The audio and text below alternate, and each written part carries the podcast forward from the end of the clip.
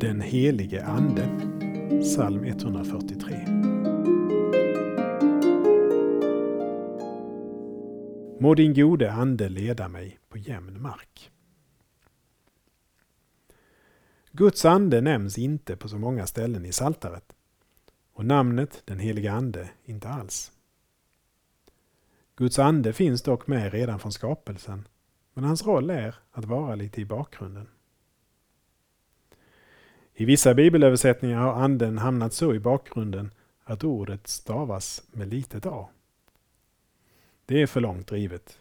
Anden är en person och en fullvärdig medlem av treenigheten och därför skriver vi anden med stort A.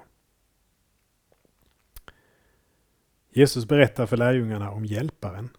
Av mig ska han ta emot det han låter er veta.